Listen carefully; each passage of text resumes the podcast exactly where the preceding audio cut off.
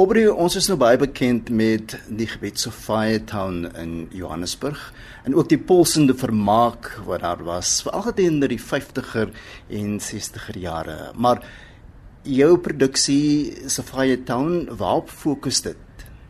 Sophia Town really we still focus on the 50s and the 60s and the energy and the music and the dance and the clothes and the beauty and the people and the culture and this big melting pot. I think I think that's really the focus. You know, we we're doing the script that was created by Junction Avenue Theatre Company back in the day. A lot of co- big collaboration there. So we, we we've stuck to the script. You know, I haven't added one word. I have not removed one word. So I just kept it the way it has been. But in terms of directing it, making sure that I can bring the music forth, I can really bring the fashion forth. You know, and it's so Ital, you understand? Yeah. Uh, ons sê nou wel jy fokus baie op hulle dans en die vermaak in die algemeen in die lewe in Sophia Town gedurende daardie jare. Maar is daar 'n storielyn? Yeah, of course, the storyline of Sophia Town, the play, it's it's a big one. You know, it's in the fifties. During the first removals. But when, when, when this Jewish girl, Ruth Golden, uh, comes across a, a, a, an advertisement in the newspaper that says one Jewish girl wanted in Sophiatown, and she goes there and, and where she meets all these people, the journalist Sidma Maritis.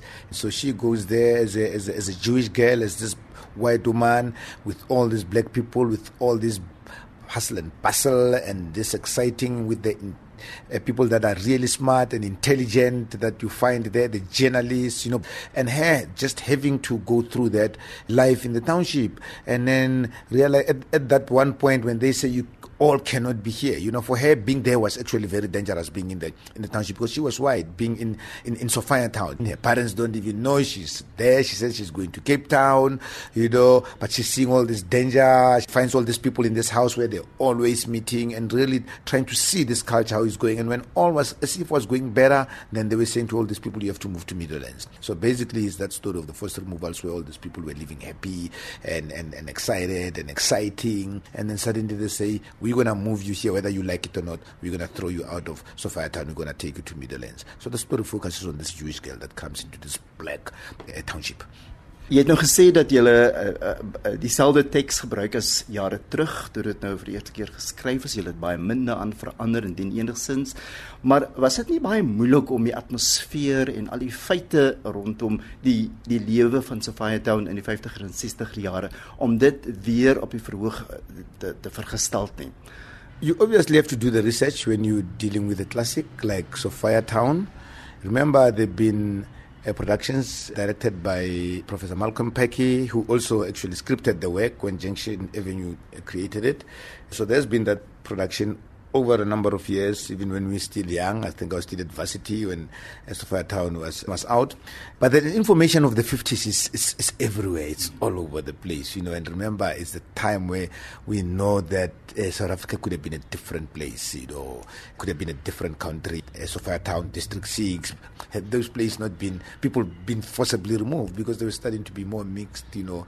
So you, you have that information. It's all there uh, for you to read it. But at the end of the day, you, you know, you got to, when you're doing that research, what are you looking at? It's the music of the time, it's the rhythm of the time, it's the pulse of the time. You know, it's what did they use to to to, to wear? How how was the fashion? All that. How was the dance? So you look at all those things. You know, there's so much information. This nowadays on, on, on YouTube everywhere, but there's so much been written about Sophiatown that the information is just there at the tip of your fingers.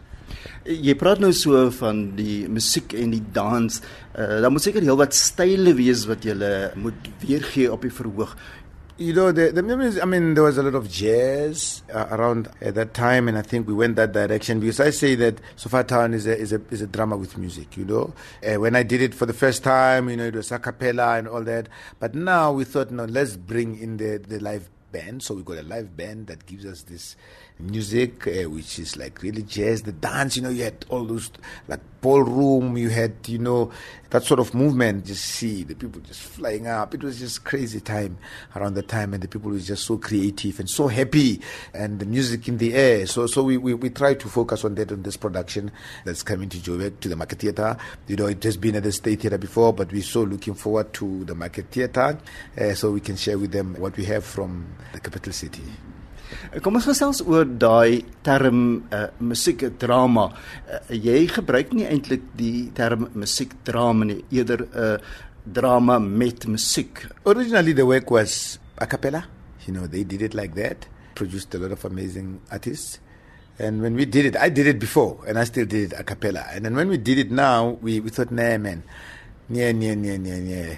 Uh, let's take a different approach. Let's bring in live music here, live entertainment. And we brought in a small band, double bass, you know, drums, keys, piano, you know, lead, guitar. So, so we brought that in because there were the, a number of songs. I think there were about eight songs in the in, in the work, which were always a cappella. So let's do this in conjunction with the, with the, with the, with the live band. So it just bring a different life, you know. It just gave us a different dynamic and also soundscape did, you know. But also the state theater, you know, we had taken a decision at some point to say like every production that we do, we're no longer playing music with the CD. We're gonna have live mm. band because that's also generating, uh, creating jobs for musicians because otherwise the musicians just do that one show per week. We said no, the musicians must start ending like the actors. So we start most of the productions at the state theater they got live live band. So so we brought in that element element and it just gave us a different energy and and just create, took the work and took it to another level.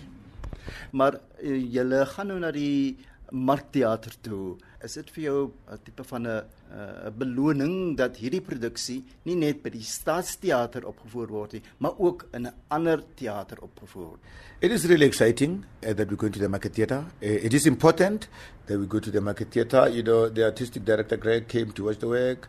Said, let's do this at the market. But it's important for the industry because it doesn't help to do one play the State Theatre and place there. It shuts down. It's too.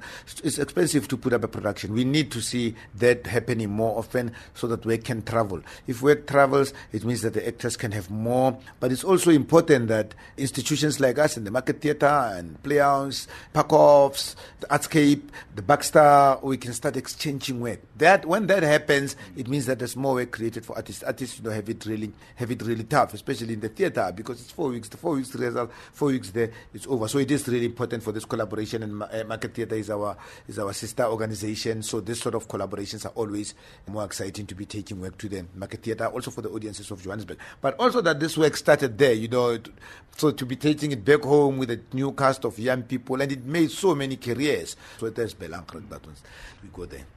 Aubrey, baie dankie vir die onderhoud en sterkte met uh, Sophiatown in die Markteater. Thank you very much, Terrance. Thank you.